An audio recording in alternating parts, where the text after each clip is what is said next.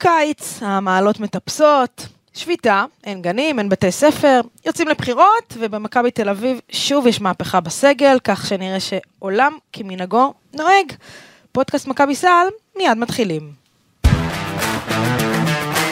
אתם מאזינים לפודקאסט מכבי סל בערוץ הפודקאסטים של וואן.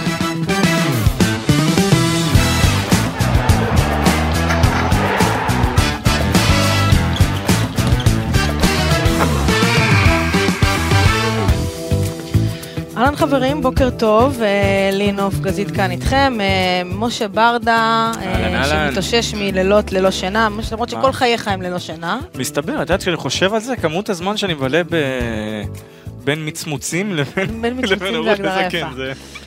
כן, טוב, אז את צ'כניק שחררנו היום לבן טיסות, אתה בן שינה והוא בן טיסות. הוא חושב שהוא בן טיסות, זה כל מה שיש לי לומר. כן. לאור המצב בשדה, הוא חושב שהוא בן טיסות, אנחנו. בתור, הוא בתור הוא כנראה. בתור, בדיוק, כן, איפשהו בתור. בדיוק. כשהוא יגיע, שם. מישהו מנסה לחלץ אבל- אבל אותו. זהו, הבאנו מישהו שנכנס לו, ייכנס לו לנעליים, ו- לנעליים הגדולות, ויעשה את זה כמו שצריך, אז נגיד אה, בוקר טוב לדובי יעקובוביץ', פודקאסט אה, מכבי בול, אה, אוהד מכבי, מכיר את הקבוצה היטב, איש כדורסל משכמו ומעלה.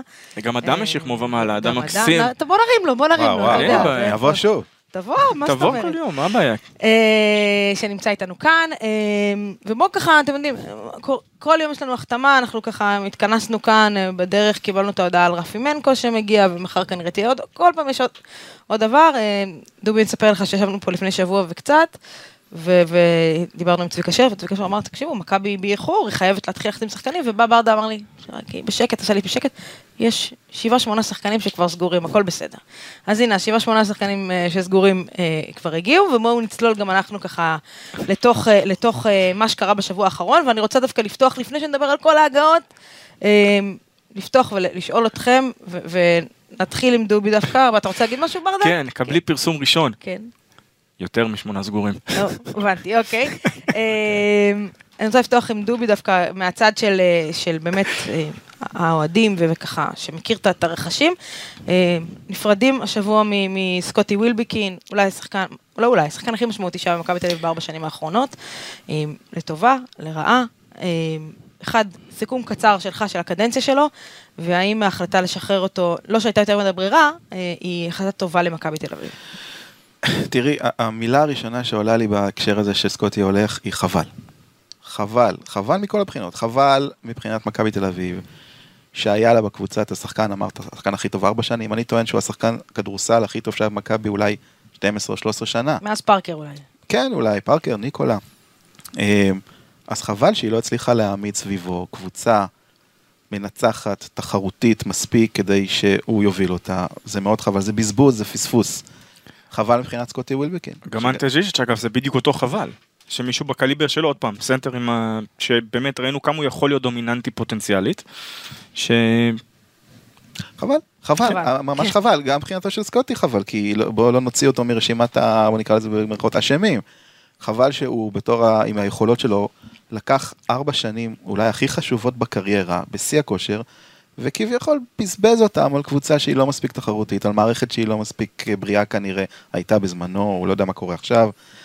ופשוט חבל, חבל לכולם, חבל לאוהדים, חבל לי שזה נגמר ככה. אני חשבתי שזה מוצע כבר בשנה שעברה.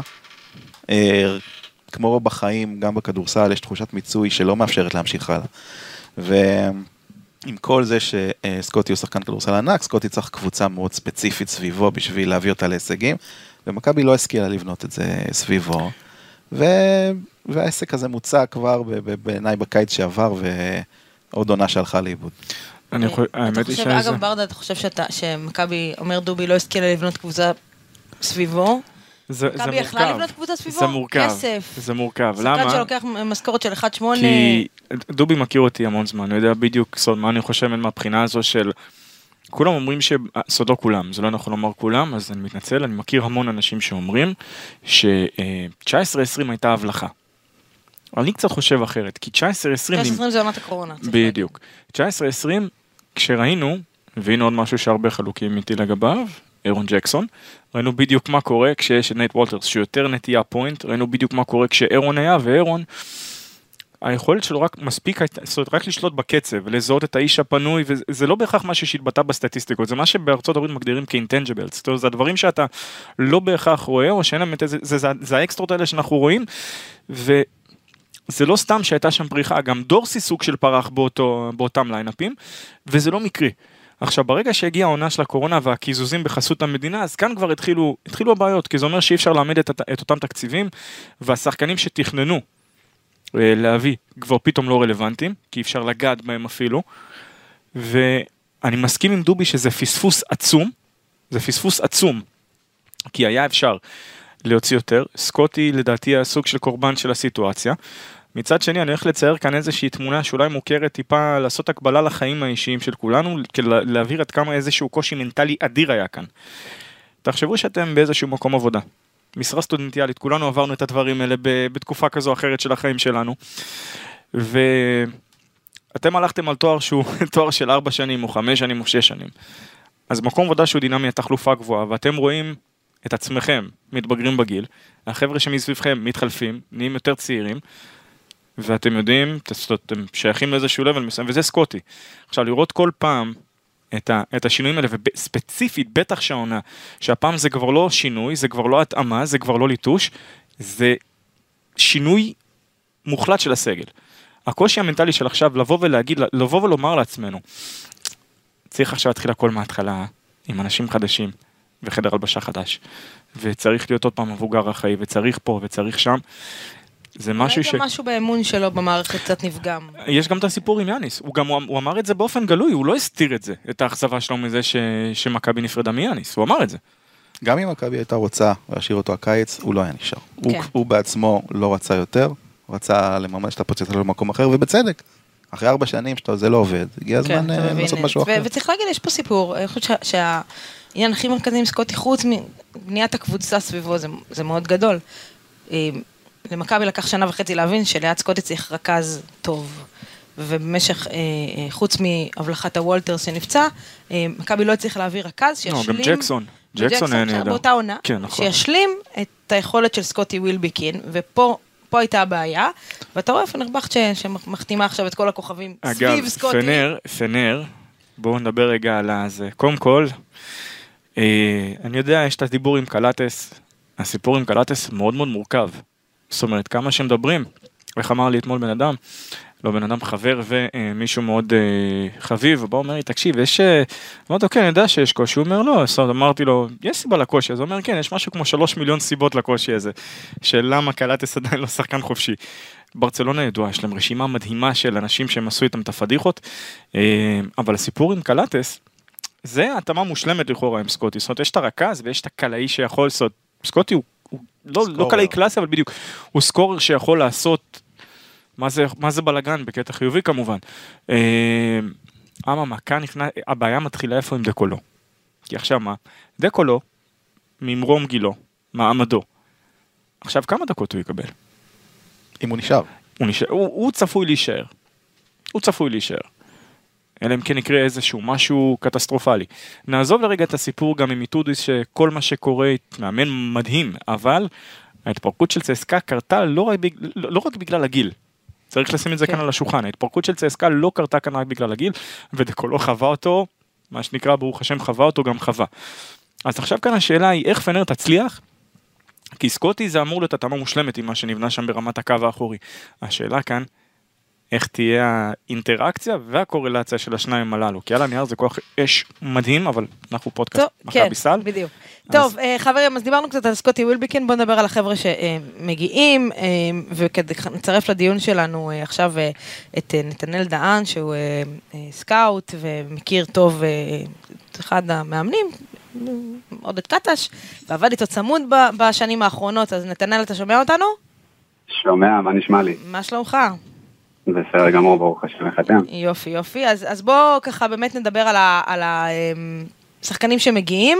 אמ, אני אשאל אתכם, אה, אה, דובי, קצת אה, איך תראה מכבי תל אביב החדשה, ודיברנו על סקוטי ווילבקין, אמ, דובי, מי אמור להיכנס לנעליים האלה של מי יספק את הנקודות האלה, מי ינהל את המשחק.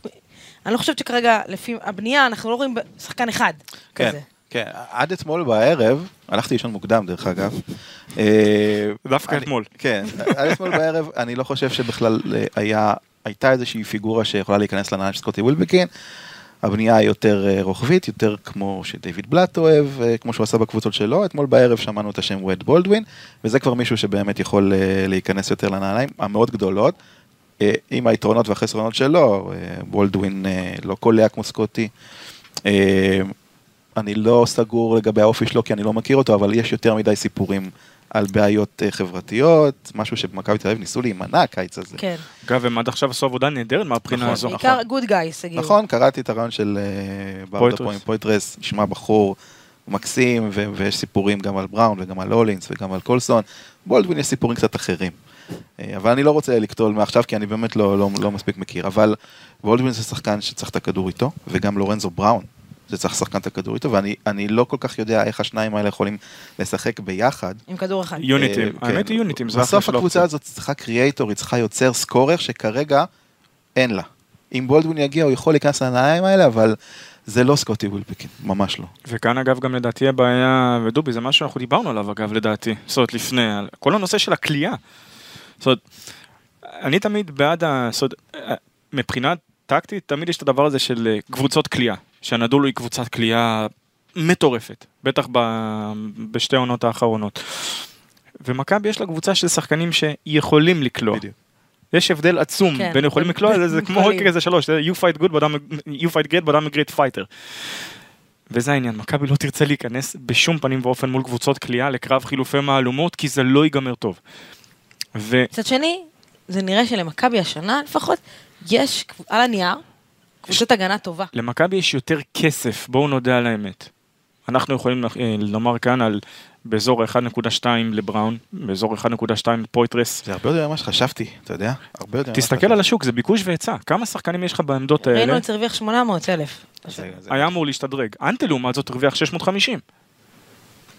אז תחשוב שאנטה ואנטה פלוס, אולי הסיבה שמכבי תל אביב הצליחה להנחית שמות, כמו בראון, ואולי כמו בולדווין וכמו איליארד, זה כי היא פשוט הציעה יותר ממה שהם שווים. תראה, עוד פעם, ז- זו סוגיה מעניינת. אה, כי עוד פעם, זה, תחילה זה, זה ביקוש והיצע. זה ביקוש והיצע, אחד כמו היליארד עשה שנה שעברה 750. אז כמה אתה יכול? על כמה משחקים דרך אגב?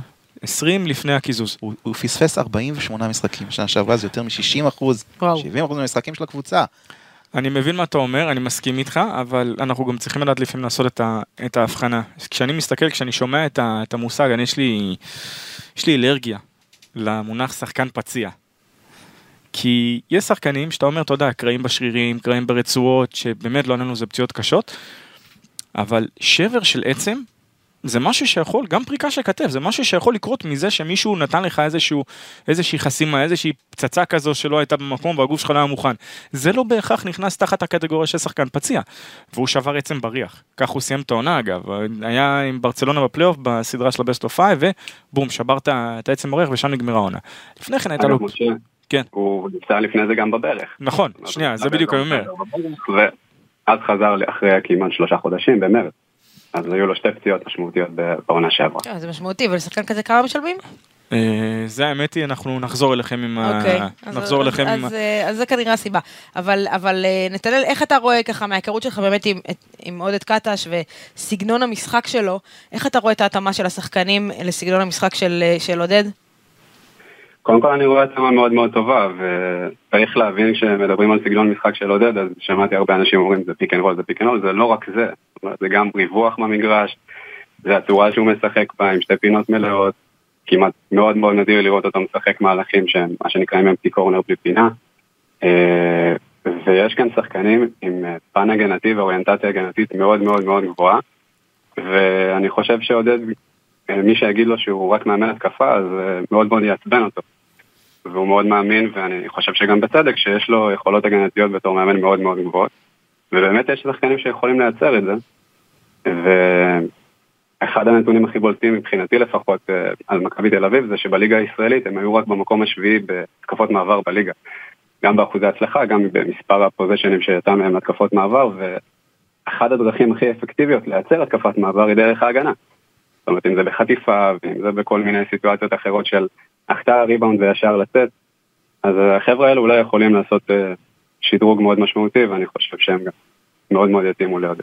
טוב, אני, אני, רוצה באמת לעבור רגע שחקן שחקן כדי ש, שבאמת נבין את הבנייה של מכבי תל אביב. דווקא נתחיל עם ההחתמה הראשונה עם אלכס פויטרס, אה, אה, גם, גם באמת אה, קראתי את הראיון, נראה באמת good guy, בחור טוב. אחד, האם שווה את הסכום הזה? שתיים, דובי, אה, זה לא איזשהו סנטר שהוא מאוד דומיננטי כמו זיזיץ', זה סנטר שהוא אה, אה, ממוצעים סבירים, אה, אמור להיות הסנטר הפותח, נכון? ככל הנראה. קשה אה, לדעת. האמת היא שזהו, הוא וניבו, ניבו מגיע. אגב, אני לא מסכים, אני לא מסכים אתמול שהם. בדיוק אותו שחקן, אני לא יכול להגיד שהם, זה כאילו כן, שניהם משחקים על. הטבעות, כן, שניהם יכולים לעשות א', ב' וג', אבל בהגדרה, זאת אומרת, לא, אני חושב שהם תניל להגיד אותו שחקן זה קצת רחוק מדי, אבל זה נכון, אותו סגנון. בדיוק. זה אותו סגנון, ואני חושב ש... אה, אגב. על יאני זאת הייתה קבוצה שהייתה תפורה ברמת הזה, אם אתה תשים לב הקבלות בין הסגלים. כן. אה, אבל כן צריך להגיד, אם אתה מביא שני סנטרים באותו סגנון, אתה צריך משהו שיאזן את זה. ולמכבי תל אביב כרגע אין טי.ג'יי ליף, אה, אם הוא יחתום, זה לא משהו שיאזן את זה. מה שיאזן את זה יכול להיות איזשהו ארבע, נקרא לו אב בשר. אה, שלא משחק, קיים אה, היום. שלא קיים היום, משחק, אגב, משחק גב לסל. הוא קיים, אבל הוא לא שעברה. זה. אני מזכיר לכם, חוץ הוא קיים, אבל הוא מז'יז'יץ', לא- הוא לא יבוא.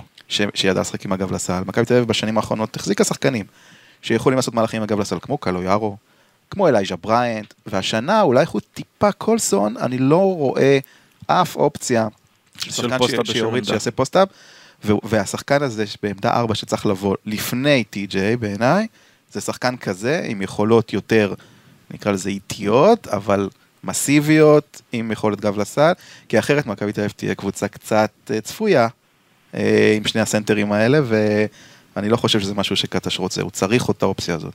למרות שזה לא הסגנון שלו. אגב, יש כאן עוד, עוד סוגיה, את כל הנושא של, אה, של קינן אבנס. אוקיי, אני, ש- אני, אני כבר ואני מדבר את זה, מבחינת. מבחינת הרמת התאמה כרגע, זאת אומרת, האם באמת יש בו צורך או שווה אה, אולי להביא את איזיה קיינן, שאנחנו יודעים שהוא מועמד, זאת אומרת, זה אחד השמות שמכבי די עקבה אחריהם, עכשיו, נכון, הוא איזה מטר שמונים ושלוש, חמש, שבע, בכוונה קופץ, כי אני לא יודע בדיוק מתי המדידה האחרונה הייתה, אבל כמה הוא עומד בדיוק, אבל זה רוצח מבחוץ, אם אתה דיברת על רמת כליאה, זה זה כליאה. משדרג אותך קריאתי. זה. יותר, זה כמה? זה 47 אבל אחוזים עם מהלא שנה. בולדווין ועם בראון. כן, בוודאי. באמת? כן. כמה כדורים? כמה כדורים, אתה צריך הרבה כדורים. נתנאל, מה אתה אומר? בוא נשאל אותו. אה, בגדול, אחת הבעיות הכי, הכי גדולות שאתה יכול לחשוב עליהן בשיטת, אני, אני לא רוצה לקרוא לזה שיטת, אבל בסגנון משחק שיש לך תמיד חבר'ה בפינות, זה שמישהו ב- בסוף, בסוף לא ייגע בכדור כנראה. זאת אומרת, זה לא מושן אופן, אבל אה, דווקא ראינו את זה גם בהפועל ירושלים עם ג'קובן בראון ותמיר פלט, שהצליחו להחליף ביניהם את העמדות, ואני חושב שעודד יודע לנהל אנשים ושחקנים, והוא יכול לגרום להם, מה שנקרא, to adjust to their roles, וברגע שהוא יעשה את זה, אז באמת, אה, אז באמת הקבוצה הזאת תוכל אה, לפרוח, אבל מבחוץ אני באמת לא יכול להגיד לך בצורה אה, מקצועית או, או אמיתית מה באמת הולך להיות התפקיד של כל אחד, כן, אוקיי, אז באמת קשה להעריך כרגע. אז נגענו באמת בסנטרים, שזה ניבו ופויטרס, וקצת ככה ליף. אה, בוא נדבר רגע על השלוש-ארבע, אה, קולסון, אה, אילארד, אה, מה, אמור, מה אנחנו אמורים לראות, לראות שם, אה, דובי? הרבה גיוון. איליארד... לא התלהבת מההחתמה של קולסון. אני חושב שהוא יהיה לו קשה ביורוליג. יהיה לו קשה ביורוליג, הוא, הוא, הוא שחקן מצוין, ראינו אותו גם בקרשגה, גם בשטרסבורג, בעונה הכי טובה שלו לדעתי בצרפת. אה, שחקן של אנרגיות, אבל אה, מתקשה, לפי מה שאני ראיתי, מתקשה בהגנה של אחד על אחד, וביורוליג משחקים הרבה יותר חזק והרבה יותר קשוח והרבה יותר אגרסיבי, ואני קצת חושש שבעמדה ארבע אה, יהיה לו בעייתי לשמור על כל מיני שחקנים, גם בשלוש, זריזי רגליים. אה, הזכרת אבל את קולויארו, בסופו של דבר כן. הוא הובא למשבצת הזו. כן, זה סוג של קלויארו כל אחד, לדעתי. כל אחד מביא דברים שונים, יש דברים שקלויארו לא, לא, אני, אני מתכוון, אני מתכוון בר, לא ברמת ההשוואה של שחקן מול שחקן קווים מקבילים יכולות, זה נגיד פוסט-אפ, זה עם כליאה יותר טובה מבחוץ, ההוא ככה, ההוא יותר אתלט, לא מהבחינה הזו, זאת מבחינת הרול עצמו, מה שמייעדים. אה, אם זה מבחינת הכמות דקות או המקום בהיררכיה, זאת אומרת, ה- המחשבה הראשונית היא באמת, זאת, זה במקום, זה על המשבצת שלו. אה, אני חושבת שקולסון הוא בא בעיקר כאקס פקטור. כאחד שפחות מכירים, אנרגיה, לעלות מהספסל, לתת כמה דקות, אה, חסימות, שלשות. זאת שאלה ו- אם הוא יכול, כי כשאתה מגיע מקבוצה שאתה... אגב, גם על לידר ליף או יש כאן איזשהו סימן שאלה, אם ליף לא היה הולך שנה שעברה לסין, ליף סטארט ברמת העיקרון מדובר כאן בכישרון, זה לא סוד, זאת אומרת, אנחנו יודעים מה הוא מביא איתו לשולחן או מה זה, ב-NBA זה קצת פחות תורגם, אה, אבל אני זאת יכולה אומרת להגיד לך עכשיו בתור באמת, אחת ששידרה אותו ב-UCLA, והוא שיחק עם אה, לונזו בול, וקיבל ממנו את הכדורים, הוא ידע לעשות סלים, והוא ידע לעשות מהלכים, והוא היה נכון, מצוין. הנקודה היא אה, שזאת העונה הראשונה שלו, שלו בסופר, נכון. בתחרות שהיא והוא היא מגיע לא אחרי סלחנית, ליגה סינית. רכה ברמות שאי אפשר להסביר. אני, ו- יש ו- משחקים בספורטק שהם יותר קשוחים מהליגה הסינית, באמת. ראינו, אני לפחות ראיתי איזה שני משחקים השנה שלו בליגה הסינית. קשה מאוד להעריך, כי הכל שם כל כך רך, הוא מטייל לסל, אני הוא אגיד עושה לך 30 גם, נקודות. יש לי עוד בעיה אחת עם, עם ליף, אה, פוטנציאל כישרון אחלה. אה, אני יודעת שכשלפני שהוא הלך לסין, הוא הרי אה, ישב בבית, אינדיאנה שחררו אותו, אה, לא שיחק ב-NBA, מכבי באו אליו תחילת עונה שעברה, אמרו לו בוא. וגם לפני שנתיים אמרו לו בוא, כן, אבל אז הוא, הוא היה ככה יכול להיקרא נכון, לחוזה נכון, ב-NBA, אמרו לו בוא, הוא ישב בבית, לא היה ג'י ליג, לא היה שום מקום. לא, מה זה, לא, הוא לא סתם לא- ישב בקו, ישב מכבי- הפעילה השחקן- לחץ דרך אבא ברד, זה הגיע לרמה השחקן כזאת. ישב בבית, לא, רגל על רגל, לא עשה כלום, ואמר, והמכבי אמרו לו, בוא לשחק כדורסל, זה מה שאתה עושה הכי טוב בחיים. והוא אמר, לא, אני מעדיף לא לעשות כלום. עכשיו, תפיסתית, יש לי בעיה עם שחקן כזה, שמעדיף גם- לשבת בבית, מאשר ללכת לשחק כדורסל, גם אם זה בישראל. גם לדובי נראה לי יש בעיה עם שחקן כזה, תומר גינת, מה? אה, לא, זה סיפור אחר. לא, בוא. אה, אבל זה לא רק זה של זה גם, גם מבחינתי ללכת לליגה, להעדיף את הליגה הסינית ואת הכסף הקצת יותר גדול מלבוא להתחרות בליגה השנייה כן. בעולם, בעיניי זה קצת לוותר לעצמך, אם הוא יגיע נוכל לשפוט למה הוא עשה את זה, יכול להיות שיש סיבה. אגב, כן. מה- שכן זה שעונה אחת טובה, או עונה וחצי טובות ב- באירופה, ביורוליג, בטח לשחקן כזה, הרי בואו, זה ידוע, כל שחקן שנפלט מהליגה הטובה בעולם, הוא, הוא מעולם לא עוזב את ה... הוא אף פעם לא עוזב את הפנקסים של, ה, ברור, ברור. של אה, מערכי הסקאוט ב-NBA, בואו, זה מה שנקרא, זה אחד הסודות הכי פחות, אה, זה worst kept secret, כאילו בערך, אה, נו. ובגלל השאלה אם נראה פה אה, שחקן גבוה, שזה הכדורסל הישראלי משווע לשחקן כזה, או שנראה פה סוג של ג'ק כהן, שזה חביב ונחמד ואחלה, אבל לא, לא מעבר, זו השאלה. אה, טוב, בוא, בוא נתקדם, אמרנו, דיברנו על קולסון, דיברנו על ליף אה, אה, אה, הילארד. אה, דרן הילארד, אה, דובי, מה אתה מספר לנו עליו? יודע, אה, שמעת? אני נורא אוהב אותו. אה, אני מכיר, אני פעם אה, המצאתי את המושג שחקן שמונה על טל בורשטיין, מה זה אומר? שהוא הכל, כל הדבר, כל מה שהוא עושה הוא ציון שמונה. שמונה. הוא לא עשר בכלום, והוא בטח לא פחות מזה, וכל דבר שהוא עושה, הוא היה כלה שמונה, ושחקן הגנה שמונה, ו... אבל הוא שחקן שלם, בעצם. בדיוק.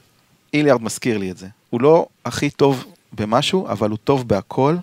אה, מאוד יהיה מעניין לראות איך הוא נראה אחרי הפציעות ואחרי שנה שהוא שחק כל כך קצת, כי שוב אני אומר, יורו ליג זה הליגה הכי קשוחה שאני ראיתי, אה, משחקים שם מאוד מאוד אגרסיבי, אה, ושחקן שמגיע אחרי שנה כזאת של פציעות, יכול טיפה לחשוש וטיפה להיזהר, אבל אה, אותי יותר מעניין באיזה, איך, איך עודד ישתמש בו.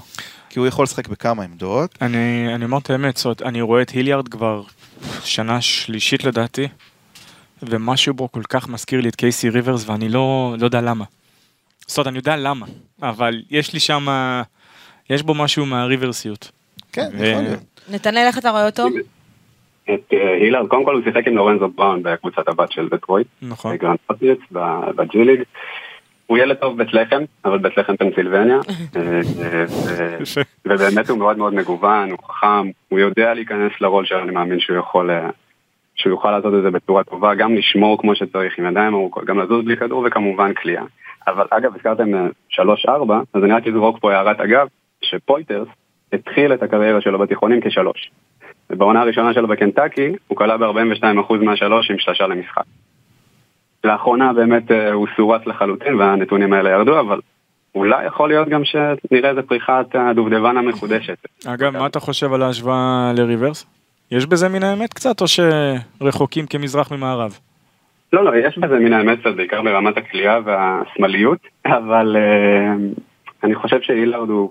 לא, הוא יותר שלם. מגוון, כן, יותר, בדיוק. כן, יותר מגוון, ו, ונראה לי שהוא הוא יכול יותר, כאילו to adapt to his role בצורה קצת יותר טובה, אבל באמת לגבי העניין הזה של הפציעה, אז יש כל מיני מערכות גם שעבדתי בהן, ששחקן כזה שנמצא עדיין בשיקום ורק עבר עכשיו את הניתוח, אז הן מבקשות ממנו להגיע יותר מוקדם, כדי שיעשה את השיקום בקבוצה ויכיר את הסביבה ויוכל להתקל, להתאקלם בצורה יותר טובה, כי זה באמת איזשהו סימן שאלה מסוים.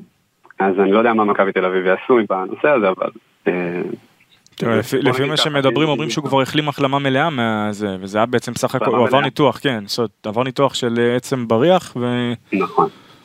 אוקיי, אמ, לפני שאני נוגעת בישראלים, אוסטין הולינס, דובי, הוא מעניין. גון, אני לא כל כך הצלחתי להבין את ההחתמה שלו, כן. הוא לא התחבר לי למה שבנו עד אה, אותו רגע. אה, אני, אני לא כל כך יודע איך לאכול את ההחתמה. מצד אחד, אה, הוא כבר מספיק מנוסה, ושיחק בקבוצות טובות.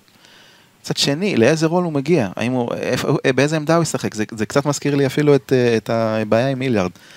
יש כל כך הרבה שחקנים בטווח הזה של 2, 3, 4 כרגע, כן. שאנחנו לא דיברנו על ישראלים בכלל. ו- אז אתה יודע. מה, אז בוא נשאל? אותך, איפ- איפה היו עמדות הכנף של מכבי שנה שעברה? כן, ספציפית כן, אני עמדה שלוש, מכבי הייתה את אחת הבעיות, אז אתה יודע מה, אם יש לנו עכשיו בעיה, אז אנחנו נבוא ונעמיס יותר עכשיו. הולינס אני מבין מאיפה אתה מגיע, אבל בסך הכל, תחשוב שזה פורט שיכול אולי לתת גם דקות טיפה יותר אה, לכיוון ה... הכוכב האדום, הוא שיחק 2. יפה, אז, אבל יש לו גם ידיים ארוכות. כן. וזה בן אדם שפחות או יותר יודע איך להשתמש בו. נכון, הכלייה שלו היא לא בדיוק הפורטה שלו, זה לא מה שהוא ידוע בגינו, זה לא הכרטיס ביקור שלו. אבל, הגנה, קודם כל. הגנה. שחקן הגנה אחד על אחד. מצוין. עכשיו להזכיר לך את מכבי של בלאט ב-2010-2011, זו קבוצה שחיסלה אותך קודם כל דרך ההגנה. זאת אומרת, היה לך את פרקינס שהיה בולדוג הגנתי. ופתאום בא לך פרגו ועוזר באיזשהו trap, ואיצן חותך לך קו מסירה. ומה שנקרא, הגנה מהירה הופכת להתקפה מהירה אפילו יותר, תסלחו לי על זה שפשוט רצחתי את המשפט הזה לא, מהאנגלית. נתנאל דיבר על זה קודם, התקפות מעבר. לא, לא, כמעט לא. הכוונה instant, defense become instant offense, כן. כאילו, וזה העניין. בקיצור, שנה שעברה לא היה כנפיים, הביאו over כנפיים, שנה שעברה מכבי לא לא שמרה. לא שמרה, הביאו שחקני הגנה. אה, בסדר, הפוך ממכבי אני לא רגע שלא חושב, הביאו אני לא עדיין חושב, כנף, אני כן? לא חושב שהולכים, אה, אני לא חושב שהם הלכו לקיצון השני, זאת אומרת עדיין, עדיין חסר כאן את האיזון מבחינת הקליעה. של חסר ה- קליעה, זה אמרנו, ו- ו- ולדעתי, אתה יודע, יש פה מרחב של שחקנים ב-2, 3, 4, ואף אחד מהם הוא לא פיור 2, הוא לא פיור 3, אני והוא לא פיור 4, אני כרגע. חושב, אני חושב אגב שדווקא בכדורסל של היום, ש... מה זה היום? כבר שנים מדברים על uh, כדורסל נטול עמדות. כבר שנים. וזה כשרואים את כל, להבדיל, כמובן, רואים את היאניסים, רואים את ה... אה, זאת אומרת, כל אלה ש... כל הגבוהים שיודעים לחצות מגרשים ויכולים כן. לעשות מה שבא להם, או... ליף. לצורך העניין, או שם שאתה מאוד אוהב של דרגן בנדר, שגם היה אמור להיות כזה. אה, אבל כשאתם חושבים על זה, כשאתם בונים קבוצה, אתם רוצים שתהיה לכם הצרחה בין עמדות, כי אם לא, נגיד שעכשיו היה לכם שלוש שהוא רק שלוש. השתיים שלכם, מה שנקרא, יצא בעבירות. תעביר אותו לשתיים, מה יקרה? זה כן. כמו שמכבי השתמשה אז, כשסוני ווימס הגיע למכבי תל אביב, נעזוב רגע את כל הזה. ברמה המקצועית, אתה יכול להשתמש בו באיזשהו, בתור איזשהו מוביל כדור שלישי, רביעי, לצורך העניין. ברגע שאין לך point והוא עבר ל primary שלך, הוא יאבד חמישה-שישה כדורים, ואי אפשר לבוא אליו בטענות. זאת אומרת, ה description שלו זה לא, אתה יודע, רכז פותח, הוא אמור להיות שחקן לעמדה ספציפית. כן. אה, נתנאל, בוא נדבר על ה... על ה- נתחיל דווקא איתך בעניין הישראלים, כי אתה גם מכיר את קטש וגם אה, שני השחקנים שצורפו, כרגע אה, גם מכירים מאוד טוב את קטש. אה, נתחיל באמת בפניני, ששיחק תחתיו בנבחרת, אה, והוא לא ויתר על שירותיו, למרות הגיל. אה, בוא נודה על האמת, נגיד את זה בפה מלא, פניני לא בא בגלל היכולת ההתקפית וגם לא בגלל היכולת ההגנתית שלו. איך אתה רואה אותו משתלב במכבי? כפניני, אתה יודע שלפני חמש-שש שנים לא יכל להשתלב בסיטואציה הזאת, כי הוא היה רוצה לשחק, בפעם זה קצת אחרת. זה קצת אחרת, אני יודע מידיעה שעודד מאוד מאוד מאוד מעריך אותו, גם, ב, גם ב, בעיקר אולי אפילו גם ברמת ה-IQ, ו- והיכולת שלו באמת לראות דברים ולחבר בין אנשים, ו- וזה קריטי. זאת אומרת, אני חושב ש... שוב, רק מרחוק ורק מהסיפורים, אני לא הייתי שם, אבל אני חושב שמישהו כזה במכבי תל אביב של השנה שעברה יכול היה למנוע הרבה דברים. ו- והוא הוא פשוט הולך להיות נכס. אם הוא מגיע גם מתוך הידיעה הזאת ומתוך ההבנה שזה לא פשוט מנטלית, לעשות את ה switch הזה של אוקיי, אני הולך להיות עכשיו אה, שחקן ספסל בעיקרון, אבל אני הולך לחבר, ואני, אתה יודע, אתה יודע, הוא הולך לי ממש להיות כמו איזה סטאג'ר מאמן כזה. כן, מנטור. אה, אז אז זה מדהים, זאת אומרת, הנכס, אה, נכס נהדר, ולמרות הגיל שלו, עדיין זה שחקן שמאוד מאוד מאוד קשה לקחת אותו באחד על אחד, הוא מכיר את כל הטריקים שיש, על חלקם, אפילו חלק מהטריקים קרויים על שמו. אגב, אה, רגע, דובי, אה, זה החתמה מרגשת או החתמה, אתה יודע, כאילו קצת פתטית, אה, אני אלך לצד השני, פתטית. מרגשת או פתטית? מה כאילו? פתאום פתטית? כל, כל ניסיון לייחס איזשהו פן מקצועי להחתמה הזאת זה, זה שטות. גיא פניני מגיע למכבי תל אביב כתיקון. הוא, הוא, את יודעת מה, הוא הביא את עצמו למכבי תל אביב השנה, לא לקחו אותו, הוא פשוט הגיע. ללא ספק. ואמר אני מגיע, ובעונת אה, נראה לי קיץ 17 זרקו את כולם והשאירו את איתי שגב. כן. אז היו שחקנים שלא היו צריכים ללכת, וגיא פניני הוא אחד מהם, אני חושב שגם יוגב, אבל זה סיפור אחר לגמרי, זה תיקון על מה שהיה, ויש לו ערך מוסף מאוד מאוד ברור בקבוצה, דיברנו קודם אולי יגיע וייד בולדווין, אז הנה יש גיא פניני בקבוצה, אני פחות דואג מבעיות חברתיות כרגע, יש מי שידאג לזה. נכס מטורף, הלוואי שיישאר במועדון גם אחרי שיפרוש. מת על גיא פניני. אגב, אתם מדברים על גיא פניני ועל כל העניין המקצועי, ואני רוצה להזכיר כאן איזשהו משהו. אני מבחינתי, דיוויד בלו, אתם יודעים מה ייחד אותו? קלעים מזדקנים, היה להם את הקטע פעם, אם אתם זוכרים שכמה שהם התבגרו, ככה הם החליטו שהם פשוט, מה שנקרא, הם ההגדרה ל- לעניין אזורי. הם חונים באזור הקשת וזורקים שלושות. זורקים ונכנס להם. דיוויד בלו עבר טרנספורמציה הפוכה של קלעים מזדקן. מה זאת אומרת, ככל שהוא התבגר, פתאום הוא הוסיף הגנה מדהימה נכון. לארסנל שלו, ופתאום הוא היה, טוב, ידענו שיש לו את כל ה fadeaways ואת כל הדברים. אגב, מי שלא יודע, הוא ספר דנקים בשנה האחרונה שלו. נעצר על שלושה נדמה לי. אמ, אין הרבה מה לספור, אתה יודע. זה לא- אל תשאל, אל ת-. כן, בן אדם קולע באחוזים כאלה גבוהים, עזוב, שלום. היה סופר את השלשות, זה היה יותר קשה. האמת היא שכן. אבל העניין הוא, וזה הקטע עם פניני, כולם, אתה יודע, באים אומרים, אל תשאיר אותו חופשי לשלוש, כולם עדיין זוכ... יש להם את הזיכרונות האלה של כל השלשות שהוא תפר, הוא עורך קובן באותו משחק, באותה עונה, ויוצאים עליו באמוק בקלוזאוט. ופתאום פניני השנה, תוקף קלוזאוטים, תוקף אותם פנימה. וזה דבר שוואלה אתם יודעים אין מה לעשות זה דברים שיש לשחקנים חכמים מייקו ניסיון. כדורסל ואין אי אפשר לקחת את זה אני אני מת על הדברים האלה. טוב. הצד השני, אה, ההחתמה שאנחנו ככה אה, היום אה, נודע, זאת אומרת, לא- לא היום נודע, היום רשמית, רפי מנקו, דובי, אתה יודע, זה כאילו, רצו את תומר גינת, ופתאום תומר גינת אמר, חבר'ה, לא, אז אופציה שניים. עכשיו, תמיד כשאתה אופציה ב', זה לא כזה נעים להיות אופציה ב', וזה גם שחקנים, זה זה לא אותו שחקן. אתה תקבל דברים שונים מרפי מנקו. לגמרי, בטח. אה, הבנייה השתנתה, אבל מכבי הבינה שהיא חייבת, חייבת ישראלים, בלי תומר גין. אני לא יודע מה יהיה עם יפתח, ואני לא יודע מה יהיה עם ג'ון דיברטולומיאו. אני- הדבר היחיד שאני יודע על ישראלי שנשאר זה, זה סורקין, ואני לא יודע מה יהיה עם ג'יי כהן. מכבי תל אביב חייבת שחקנים ישראלים, ואין. בלאט וזוסמן לא פה, דני איפה שהוא נמצא, ים הדר איפה שהוא נמצא, תומר גינת בכר, חייבים. עכשיו, עודד מת על רפי, ראו את זה בנבחרת. כן. אה, אני חושב אפילו ש, שיש סיכוי שרפי מנקו זה יכול להיות חמישייה במכבי תל אביב. אה, בליגה בטוח. אבל, כן, אבל לא רק. לא רק, יש לי תחושה שעודד מאוד מחזיק. רפי מנגו גם שחקן רבע ראשון מצוין, ראינו את זה השנה. 26 נקודות בסדרת הגמר לדעתי זה היה בשני הרבעים הראשונים. כן. יכול להיות. ואני אני אוהב את רפי מנקו, אני חושב שהוא יכול להביא, יכול להביא אה, כיף למכבי ואנרגיות, ובעיקר כליאה. דיברנו על זה שבקבוצה הזאת קצת חסר. רפי קולע באחוזים יחסית טובים, בעיקר בליגה, אנחנו לא יודעים מה הוא יעשה ביורוליג. שחקן פינה, אה, כמו ש... סוג של, אה, לא רק, אבל אה, אני בעד, אני רוצה ישראלי במכבי תל אביב, הוא כרגע הישראלי שנראה לי הכי זמין וטוב למכבי, אני כאילו אולי, אולי ככה. גם בשל. אני, אני, כן, אגיד, אני. אגיד דבר כזה, אני הולך להנחית כאן פצצה ויסלחו לי כל אוהדי הפועל, או שלא יסלחו לי, זה לא משנה. אחד הפספוסים הכי גדולים שלהם, רפי מנקו. הפועל ירושלים. כן. איך זה ביום שהם והם ויתרו עליו מתי? 2015 זה היה? אולי לפני, אולי, לא, באמת שאני כבר לא גם זוכר. בהפועל תל אביב הוא לא הסתדר. כן, אבל, זאת אומרת, אני זוכר כשראיתי אותו אז, כשהוא היה בהפועל ירושלים, אמרתי בואנה, תשמע, וכשהם, זו- נסתכל רגע, הם, הם שחררו את מנקו, והביאו את ג'יי כהן, ומעולם לא באמת אה, נכון, לא שיחק שם. לא שיחק שם, ואתה אומר, אתה יודע מה, תקשיב, בואנה, רפי מנקו. זה כבר כמה שנים אני, אני עם התחושה הזאת שקודם כל, הם, מה שנקרא, הם הפילו את הכדור איתו. ובמקום מסוים, אם אתה מסתכל, אתה יודע, תגיד תומר גינת, הוא באמת היה לו את כל הקטע עם הפועל תל אביב, הוא אוהד של הפועל תל אביב, אז היה לו קצת קשה. רפי מנקו זה סוג של, אם אתה מסתכל מבחינת הסיפור של כל הדבר הזה, זה נראה שיכול להתאים בול, תתקן אותי אם אני טועה, אתה בתור אוהד מכבי תל אביב, זה, הוא יכול להתאים בול בדיוק לדבר הזה. זה סוג של. יאהבו. בדיוק, אחד יאהבו. כזה שיכול להתחמם ויכול, זה בדיוק אחד שבא ולא רציתם... אני גם מעריך את העובדה שהוא לקח את האתגר המקצועי, ולא הלך אה, אה, אה, עם הלא נעים ועם הלא יודע מה. קיבלת הצעה מקבוצת יורוליג, אתה כבר בשלב מסוים בקריירה שאתה בשל לנסות ולראות אם אתה במעמד והיכולת הזאת.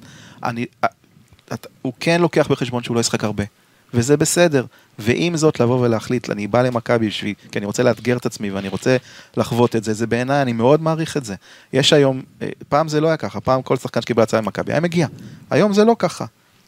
היום אה, אה, אה, שחקנים מוותרים, שחקנים הולכים למקומות אחרים, ואני מעריך מאוד את זה שהוא בא ומנסה, והלוואי, הלוואי ויצליח. טוב, אה, נתנאל, אתה רואה אותו משתלב ב- בסגנון של, אה, של עודד? אה, כן, יש לו כליאה, הוא יודע לזוז בלי כדור, הוא חכם. זה אמור, אה, זה אמור להספיק, as is.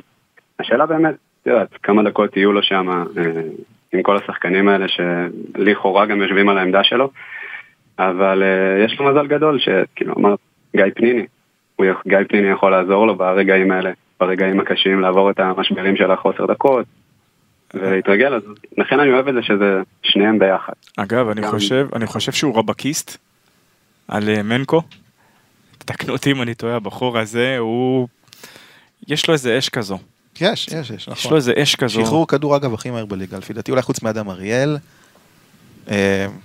אה, הלוואי, הלוואי שיצליח, ממש. אוקיי, דיברנו על, על שני מועמדים שככה זרקנו בתחילת ה, ה, הפודקאסט. אה, ברדה, עוד שמות ש, שעל הנייר, אה, בספרון המועמדים.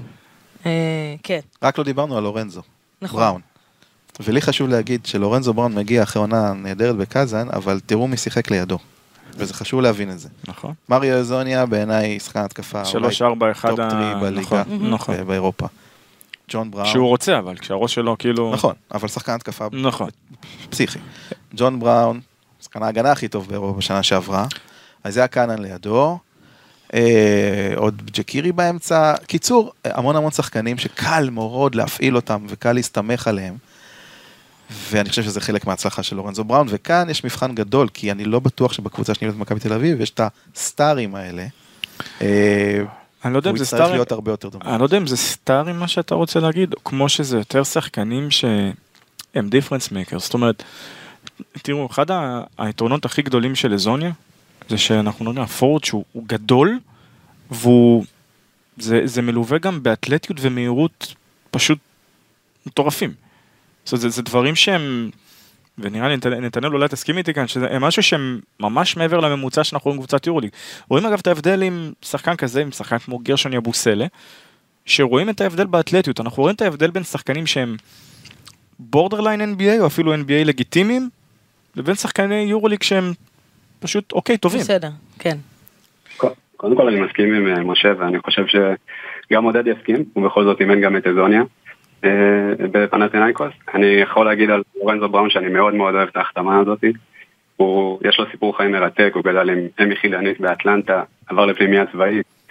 אה, אחד הדברים אצלו, שאולי אני לא יודע כמה זה ידוע, אבל הוא פעמיים נכשל בבדיקות רפואיות. זאת אומרת, פעם ב-2014 בוונציה ופעם ב-2016 בקזאן, שהוא שיחק בשנה שעברה בסוף.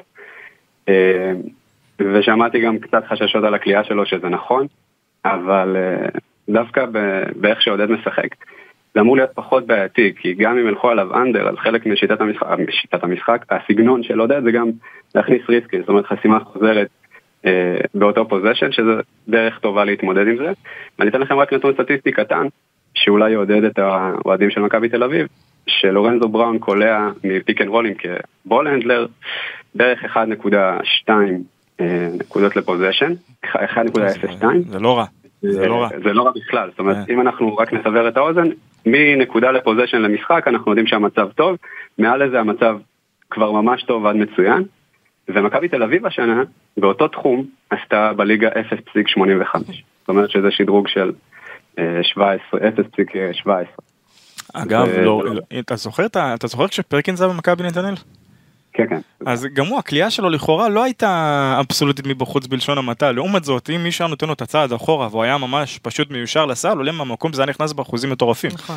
זריקה שטוחה כזאת. זוכר את זה? אה, טוב, אז אז, אה, ככה עברנו ככה על החבר'ה שהגיעו ועתידים להגיע, אז אז נראה לי שככה נגיד לנתנאל תודה ולא נחזיק אותו עוד, אה, שיוסיף לנו ככה עוד איזה... אגב, איזה כיף זה להביא אותו ככה. הוא גם, הסיפור כאן עם הנתונים הסטטיסטיים וכל ה... תשמע, זה נתנאל, זה נתנאל. זה נתנאל. תודה, תודה לכם. אה, נתנאל, תודה רבה. אנחנו נשמח בכיף. לארח אותך שוב.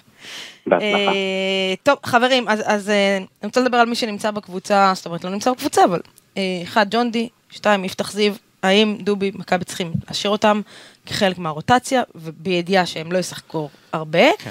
אה, כי מדובר ב- בישראלים בסופו של דבר. גם אה, קילן אבנס צריכה להישאר כאן השאלה. הוא- אבנס, הוא אגב נכון, מחזיק נכון. בחוזה, זאת היה לנו שחקן מכבי תל אביב לעונה. כן, הבאה. ו... אה, בוא נכניס לדיון גם את קילן אבנס, האם מכבי צריכה להשאיר אותו כחלק אוקיי. מהרול? קודם כל אני אכניס לדיון גם את מקס היידיגר.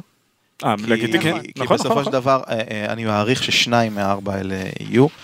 זאת אומרת איידיגר או ג'ון די, אחד מהם. לגבי יפתח יש לי תחושה שהוא לא יהיה בקבוצה. אה, רק תחושה, אני מרגיש שאין חיבור כל כך לעודד בסגנון המשחק, והוא היה רוצה מישהו אחר. אני הייתי משאיר את ג'ון די ברטולומיאו, כי מדובר במישהו שנמצא במערכת כבר הרבה זמן, בחור חיובי, אה, גם אה, מדי פעם משנה משחקים, ראינו את זה אפילו השנה אנרגיה, בעונה הכי נכון. טובה, הכי פחות טובה בקריירה שלו. אה, קינן זה שאלת בולדווין, אני לא רואה מצב שיש לורנזו בראון, וייד בולדווין, קינן אבנס, איליארד שיכול לשחק בשתיים, רולינס שיכול לשחק, משהו לא מסתדר לי בעומס הזה. אבל אתה אומר, שמת לב מה אתה אומר כאן? יכול לשחק בשתיים, יכול נכון. לשחק בשתיים. בסדר כן, גמור. דיברנו על זה, כן. אבל זה עוד שחקן שיכול להיות שם. לא, אני מבין, אני סוד, בגלל שלמכבי יש עכשיו את ה... את אלה עם הגוף הגדול שיכולים לחסום כמו שצריך, וכשהם חוסמים, הם חוסמים. עכשיו, עקרונית גם אנטה יכול לחסום, אבל העניין הוא ש... ואתה ראית את מכבי מנסה להריץ תרגילי קלעים. אה, אני לא אומר עכשיו שחסר את ה-JC קארול, כי אין את ה-JC קארול, גילוי נאות. ית- ייתכן שחשתי צביטה עמוקה בלב כשהפרישה שלו הפכה רשמית, אפילו יותר מ- מצביקה עמו- צביטה עמוקה בלב. אה, אבל אני אומר עוד פעם, זאת אומרת, יכול להיות שבאמת יש כאן את המקום באמת להביא איזשהו מישהו שידע, לה, עוד פעם, לא סתם זרקתי את השם של קיינן, כי אני חושב שהוא באמת גם יכול להתאים ליד לורנזו, זה עבד שנה שעברה מסיבה מסוימת, וזה גם, אתה הזכרת את השמות שהיו, וזה זה כל היופי שבעניין של הכדורסל, של לייצר את האיזון. בגלל שיש לך את איזוניה שיכול לייצר את, ה, את היתרון שלו במגרש פתוח, או עם הפיזיות והאתלטיות, אז יש תנועה יותר של ההגנה, ואז קיינן יכול לקבל מבט טיפה יותר טוב, ולורנזו בגלל שהוא אה, חזק פיזית, השאלה היא מה החוליה החסרה, בעיניי, חוליה חסרה זה מישהו שהוא יותר קלעי, יותר סקורר, וקינן לא עונה על ההגדרה הזאת בעיניי. אתה יודע מה, אם אתה רוצה בכל זאת עוד שחקן, אתה רוצה תשעה זרים, השם שהוזכר, דריל מייקון, דוגמה יותר מתאים בעיניי, כי הוא שוטר. קולע שלשות, אה, השנה האחרונה לא מספיק טובה, אבל אנחנו יודעים את זה, יכול להיות שהוא יהיה יותר מתאים. קינן, תשמע, אם היית שואל אותי בתחילת הקיץ, לפני מה, חודש, מי השחקנים שצריכים להישאר במכבי תל אביב בעונה שעברה? הייתי אומר לך קינן אבנס, קודם כל, היה עונת רוקי מצוינת. אז תרשה לי להזכיר לך אבל לאור משחק. מה שבנו ולאור מה שעשו, דברים משתנים. הוא כאילו מרגיש לי נטל על הקבוצה עכשיו. אז תרשה לי להזכיר לך משחק. אגב, אני גם חושב שנייט וולטר זה יכול איכשהו להתאים כאן, גם בהובלת כדור, גם ביצירה, גם בשלשות. קצת פחות אתלט, נכון, אבל גם אנחנו יודעים שיש לו אופי נהדר, ומכבי מאוד אוהבים, ומכבי גם רצו להמשיך איתו נכון. אחרי 19-20. אה, השאלה שלי אליך היא כזו, כי אתה בא ואתה אומר באמת על קינן, ובכוונה הזכרתי את וולטרס, כי זה גם אוקיי. משהו שהעלינו כאן רגע לפני. רגע לפני שהתחלנו כאן את, התוכנית. אני זוכר את הצמד משחקים של מכבי תל אביב מול הכוכב האדום בלגרד. נעזוב לרגע בשנים האחרונות מאזנים פנימיים בין הקבוצות. אתה ראית את ההבדל, זאת אומרת, קינן הוא שחקן נהדר, יש לו באמת המון יתרונות התקפיים, הוא יכול גם לעזור בהגנה, אבל כשאתה ראית את ההבדל, זאת אומרת, גם פביאן קוזר בסדרת הצלבה עם מדריד, וגם מול הכוכב האדום בלגרד ספציפית מול נייט וולטרס, כשנייט לקח אותו פנימה, אתה ראית מה שנקרא בהגדרה הזאת באנגלית, Out Muscling קלאסי. בחור- פחות חזק, פחות שהוא מסיבי. הוא צריך לחזק את הגוף שלו, כלומר, ויש שם כל מיני זה. עכשיו, אגב, כשמחזקים, זה, זה עולם כזה מרתק, כשמחזקים את הגוף, או פתאום מוסיפים מסת שריר, יש כאלה שזה בא על חשבון מהירות, משהו, יש ברור, כאלה שזה ברור, בא על חשבון ברור. האחוזים בקליעה, כי פתאום הסגירה והמכניקה של של האדם והמכניקה משתנה, זה צולם במלואו וזה מרתק. את מי שזה מעניין כמובן. לא, אה, גם- גם זה שאם אתה ממשיך עם קנן, אתה צריך לזכור שזו עונה שנייה ביורוליג, זה משמעותי. הרבה שחקנים מבחינת בעונה השנייה. עושים את ה... גם מבחינת יפתח, כי אם אתה שואל אותי מבחינה פיזיולוגית, פיזיולוגית פר אקסלנס, אתלטיות, פלא גוף עליון, חוזק, הוא שחקן יורוליג. נכון, אוקיי. אבל בשביל יפתח, ממליץ לו לא לשחק במכבי תל אביב. זה- הוא לא על אותה, אה, אה, הוא לא על אותו מעמד. דובי, אני. אפתח זיו, יש מישהו אחר?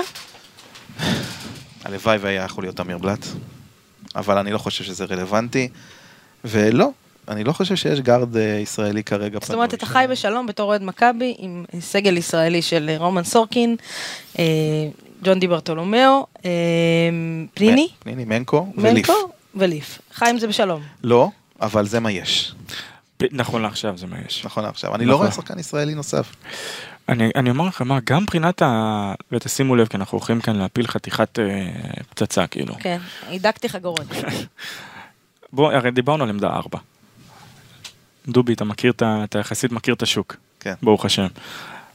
חמש שחקני 4, שהם היום אתה יכול להגיד בשיא הכושר של המשחק שלהם, ותזכרו שהנדול הוא 0 עכשיו מחפש את 4.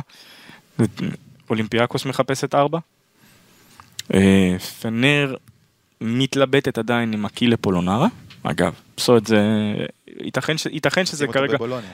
בדיוק, הוא גם איטלקי. אגב, אתם מדברים, אנחנו כל הזמן מדברים על פדיחות שעשו כאן בישראל, אם זה עם שחקנים ישראלים או עם זרים, ראו ערך מייק ג'יימס, אקילה פולונרה, אף קבוצה איטלקית לא הייתה מוכנה לגעת בו. לא, רצ... לא חשבו בכלל על זה, עד שפתאום באה בסקוניה. ואחרי בסקוניה פתאום באה פנר, ווואלה, יכול להיות שזה בגלל שכבר יש קצת פחות כישרון באירופה ב- בשנים האחרונות, ובגלל זה מה שנקרא הוא קצת זרח ופרח. עונה לא טובה בפנר, בוא. בס... עוד פעם, גם דנילו ברטל, לא איי איי איי זה, אבל... כל מי שהגיע, אולנובס, כל מי שהגיע לשם בעמדות האלה. כי זה לא- שחקנים שהתאימו לסיטואציה והתאימו למשהו ספציפי ועוד פעם זה בדיוק הדבר זה, זה, זה, זה בעיקר סוג של סיטואציה אבל אף קבוצה לא הייתה מוכנה להסתכל עליו כאילו. אתה- אתה אומר, אתה מדבר על זה בהקשר של מכבי? גם זאת לא רק במכבי כי כולם באים ואומרים אתה יודע באו ואמרו על וויל קלייברן איך מכבי פספסה וויל קלייברן תראו מה הוא עושה היום. תזכרו שבדרושאפקה יש לו ג'יימס אנדרסן שהוא צעיר יותר ובכושר הרבה יותר טוב ומוירמן שהגיע ווונאמייקר שהגיע וגם ז'יז'יץ' שהגיע בסופו של דבר באותנו וגם יש ווילבקין. יש כאן תקשיבו זה, זה, זה חתיכת קאדר. כן. אה, טוב, אה, אז דובי, את- רגע, זהו, דיברנו על עמדות ארבע. אני רוצה כן? שתיתן לי את אה, חמשת השחקנים בעמדות ארבע שיש היום, שבאמת אפשר... שחופשיים? עזוב, גם? חופשיים, גם אפשר לדבר איתם, לא, גם בשיא יש- עונם. יש, אתה יודע, יש, אני יכול להגיד לך מריו הזוניה, נו, מה זה יעזור לי? לא, לא, אנחנו מדברים stretch four. בוא נדבר stretch four, כי הזוניה יותר כאילו סוג של פעמים. בסל. תראה, ריאל מדריד שחררה את טריי תומפקינס אתמול. 32, 3 שהיה קצת... גמור, על קלאסיס מדברים יופי. לא יודע. אה, אם אתה שואל אותי סגנון משחק, יותר מתאים. אה, נכון, אגב, צריך לבדוק טומקינס... למה הוא לא שיחק שנה טריי- שעברה, מה טריי קרה טומקינס- אוקיי, אז בוא... בגלל- ששאלת.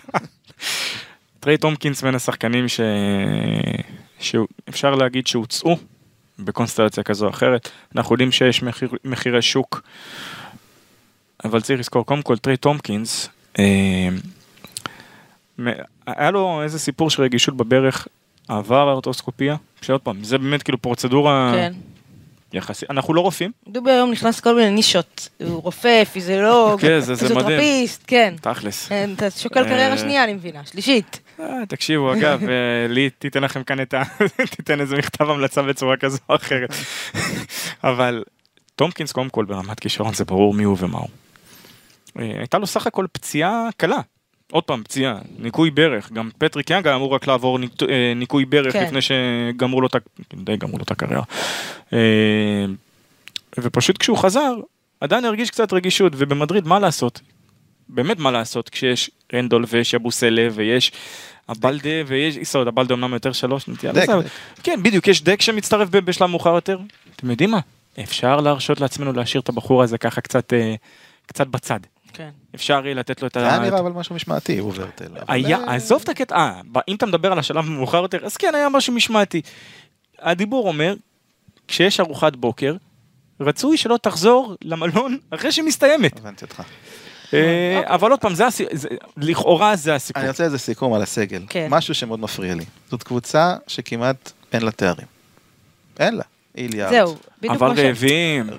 יש, בסדר, אני מוכן לקבל את הרעבים. בשנה שעברה אני שמעתי על דרק וויליאמס שמגיע רעב, ועל ריינולד שבא לטרוף, ועל ננלי שבסוף סוף, שמעתי על הרעבים. יש עניין של מחויבות. קבוצה בלי תארים זה משהו מדאיג. לורנזו בראון בלי תארים, כן. איליארד בלי תארים, קולסון בלי שאתה תארים. שואל את עצמך למה. טי.ג'יי ליף, ניבו בא מעונה קטסטרופה קבוצתית. העונה הכי גרועה בהיסטוריה של ז'אל גיריס. פויטרס, כן. כן. שחקנים בלי, בלי שלא לקחו כלום. אולינס לקח אה, לא, אה, רגע, אדריאטיק רגע, בכוכב האדום, רגע, רגע, רגע, רגע. רגע, פויטרס. כן, אלוף? זנית. אלוף? בסדר. בסדר, אליפות בזנית, אליפות בכוכב האדום אולינס, מנקו פה בחולון, זהו. כן. כמובן גיא פניני שלא נדבר, אבל זהו. וכשהשחקנים המובילים שלך באים למעשה אף אה, תואר, יש בזה משהו מדאיג. אתה יכול לדבר שימו על את זה רעב. כסימן שאלה. אגב, כן. אתה יודע, אוקיי. טומקין זכה בכמה דברים בחיים שלו, אני לא אומר עכשיו שהוא לא זה. אה, הולך להיות לו שוק מעניין, אבל למה שאלתי? כי יש לך סינגלטון שיוצא, אבל הוא לא באמת הסטרץ', לפחות לא בשנים האחרונות. מוירמן, שהתחושה שהוא קצת כבר... אה, אנטוני גיל, שיודעים שמכבי מן הסתם רוצים אותו, אבל אם אנחנו אמיתיים, כל אירופה רוצה אותו, ואם לא כל אירופה רוצה אותו, אם אתה GM שלא רוצה את אנטוני גיל, כן. מה לא עובד אצלך? אוקיי. סיפ... אה, כאילו, תהייה טוב, אני- לגיטימית, תהייה קיומית לגיטימית. אני רוצה להגיע לאיזשהו סוג של סיכום, ברדה נתן, אה, אה, אה, דובי נתן פה נקודה מאוד מאוד מעניינת, שים סימן שאלה על אילנה. דיברו אופי אופי, אוקיי, צריך פה מישהו שיודע להביא תארים, שהכדור הולך אליו במאני טיים, שיש לך זריקה אחרונה של משחק אליפות. פניני, עזבו, נו, פניני, בוא נסגור, נו. אז אתה, מגיע בסופו של דבר הדיון הזה מתנקז לגיא כן, גיא להכניס פניני. את פניני בשנייה האחרונה זה כמו להחליף שוער לפני הפנדלים, כן. נכון? אה, אה, אה, וואו, האמת היא, כן, אני קצת פחות עם הכדור הזה דובי, שבועטים בשנים אתה, בתור אוהד, וגם תספר קצת את, הדיבור ככה, מרוצים האוהדים, או שזה לא מה שהם ציפו, זה- אתה תראו. יודע, זה, זה אותה גברת בשינוי הדרך. זהו, אני לא יודע כמה אני מייצג את האוהדים. אני יכול לומר שאני קצת אה, אה, מרגיש כל קיץ אותו דבר. שוב, בשנה שעברה באו והבטיחו לי פה את, אה, את דרק וויליאמס ואת ננלי ו- ואת קינן וזה, וכולם היו וואו, איזה יופי של קבוצה, וסוף סוף עם שמות יורוליג וזה וזה, וננלי לקח אה, יורוליג. וכאילו זה, זה חוזר השנה, זה חוזר השנה. בתחילת הקיץ, במסיבת עונה, מה זה תחילת הקיץ? לפני שבועיים היה מסיבת עונאים עם, אה, עם עודד. כן. ועוד לפני זה דיברו עם אה, דיוויד, והם דיברו שם, אני הייתי בטוח שהולכים להחליף דיסקט, ולעשות קבוצה עם שישה זרים. ככה אני חשבתי, זה... אתה לא יכול היום אבל לדעתי לעשות את זה. עזוב רגע יכול לא יכול, מה שהם שידרו, במסיבת עונאים עודד שידר את זה, שרוצים טיפה להחזיר ישראלים, רוצים, אני חשבתי שילכו על שישה זרים כדי לא לעשות אותם שתי קבוצות. עכשיו עוד מעט יש תשעה. אה, אני מניח שסיפור תומר גינת טרף את הקלפים, יכול להיות שזה הסיפור, ואם היה תומר גינת, אז, אז דברים היו משתנים, אבל uh, אני ראיתי כבר קיצים כאלה, אני לא מתרשם יתר על המידה, יש לי בעיקר תקווה, שהפעם זה יהיה אחרת, כמו כל קיץ. כמו כל קיץ, אה, לא, אמרתי כבר פעם, אני מרגיש כמו הבחור הזה בוא, אתה רומנטיקן חסר החורף תחנה, חברה שלו תקנה. בוגדת בו ובוגדת בו, ובקיץ אני, אני רוצה לעזוב, והיא אומרת, לא, לא, לא, לא, לא, אל תעזוב, אני, תראה, אני מתנהג אחרת, תראה איזה יופי של אנשים אני מביאה, וזה וזה. אז אתה טוען שכאן זה הגדרה של קיץ, איינסטיין לטירוף, לא? ובסוף אני נשאר כי אני אוהד. מה לעשות? אמרתי, זה- איפשהו במידה מסוימת, זה סוג של רומנטיקן חסר תקנה, אתה מבחינתך, כל פעם. זה אוהד, כדור, זה אוהד. לא משנה, כדורגל, כדורסל זה אוהד. אה, טוב, חברים, אה, קודם כל, דיברנו מאוד מקצועית היום, ו- וככה ניתחנו את הקבוצה באמת לעומק, לרוחב, אה, כל המאפיינים שלה. אה, אני חושבת שמזה נסכם, דובי נתן סיכום טוב. חסר תארים בקבוצה הזאת, אה, ותארים זה אופי. אני מאוד אוהבת את הבנייה של מכבי בקטע, בקטע של האופי של ה-good guy. אה, אבל זהו. אולי כן צריכה איזה bad guy שם. אז זהו, ש- שהיה חסר, עד כמה אנחנו יכולים מבחינת אה, אה, הגדרות גיל, אה, הגבלות גיל וכאלה להגיד דברים? זאת אומרת, אם זה באנגלית זה בסדר? הבן שלי לא יקשיב לפודקאסט, כן. אז אל תדאג. אה, הוא צריך, הוא צריך, בטח כשאבא עצור נמצא אותו בו. בדקה הזאת, כן. מה אתה יכול אוקיי. להגיד? אז כשבונים קבוצה לרוב חסר את ה... ושוב, תסלחו מה שאני, את ה-badass motherfucker. כן. וזה מה שרציתי לבוא, אתמול כשדיברנו כבר, התכוננו לפרק, כן. אמרתי אוקיי, אני רוצה, כי חסר נכון. קצת, עכשיו מגיע בולדווין, פ- פתאום אתה בין לבין, בין המחשבה לבין הזה, פתאום צפוי להגיע לו בולדווין. עכשיו, בולדווין הוא מסוג השחקנים ש... שירצח אותך במידה מסוימת, יש לו את ה... אני יצא לדבר עם אנשים אה, מאחת הקבוצות הקודמות שלו אתמול. אפילו עם אנשים משתי הקבוצות אה, זה. הוא מספיק טוב? בר- כישרון הוא נוזל כישרון. הוא כאילו, מספיק, אה, כישרון. מספיק אה, killer? איך אמרו לי לגביו? מספיק סקוטי ווילבקין? תראה, הוא ילד טוב. פשוט אמרו לי, he's a good kid, he's different, הוא שונה. ושונה לא תמיד מתקבל באופן חביב על ידי האחר. יש הבדל בין motherfucker חיובי בדיוק. בדיוק, בדיוק. ואם יביאו את ווייד בולדווין יכול להיות שזה ותקום אה, העונה של מכבי, או טיפול. אוקיי. טוב, חברים, נתתם לי יופי של סיכום לפרק. אה, תודה רבה, דובי. בכיף. אה, תודה. רבה, ברדה, כרגיל. תודה תודה לך. שהתארח אצלנו. אנחנו ניפגש פה בפודקאסט הבא. תודה, חברים. ביי ביי.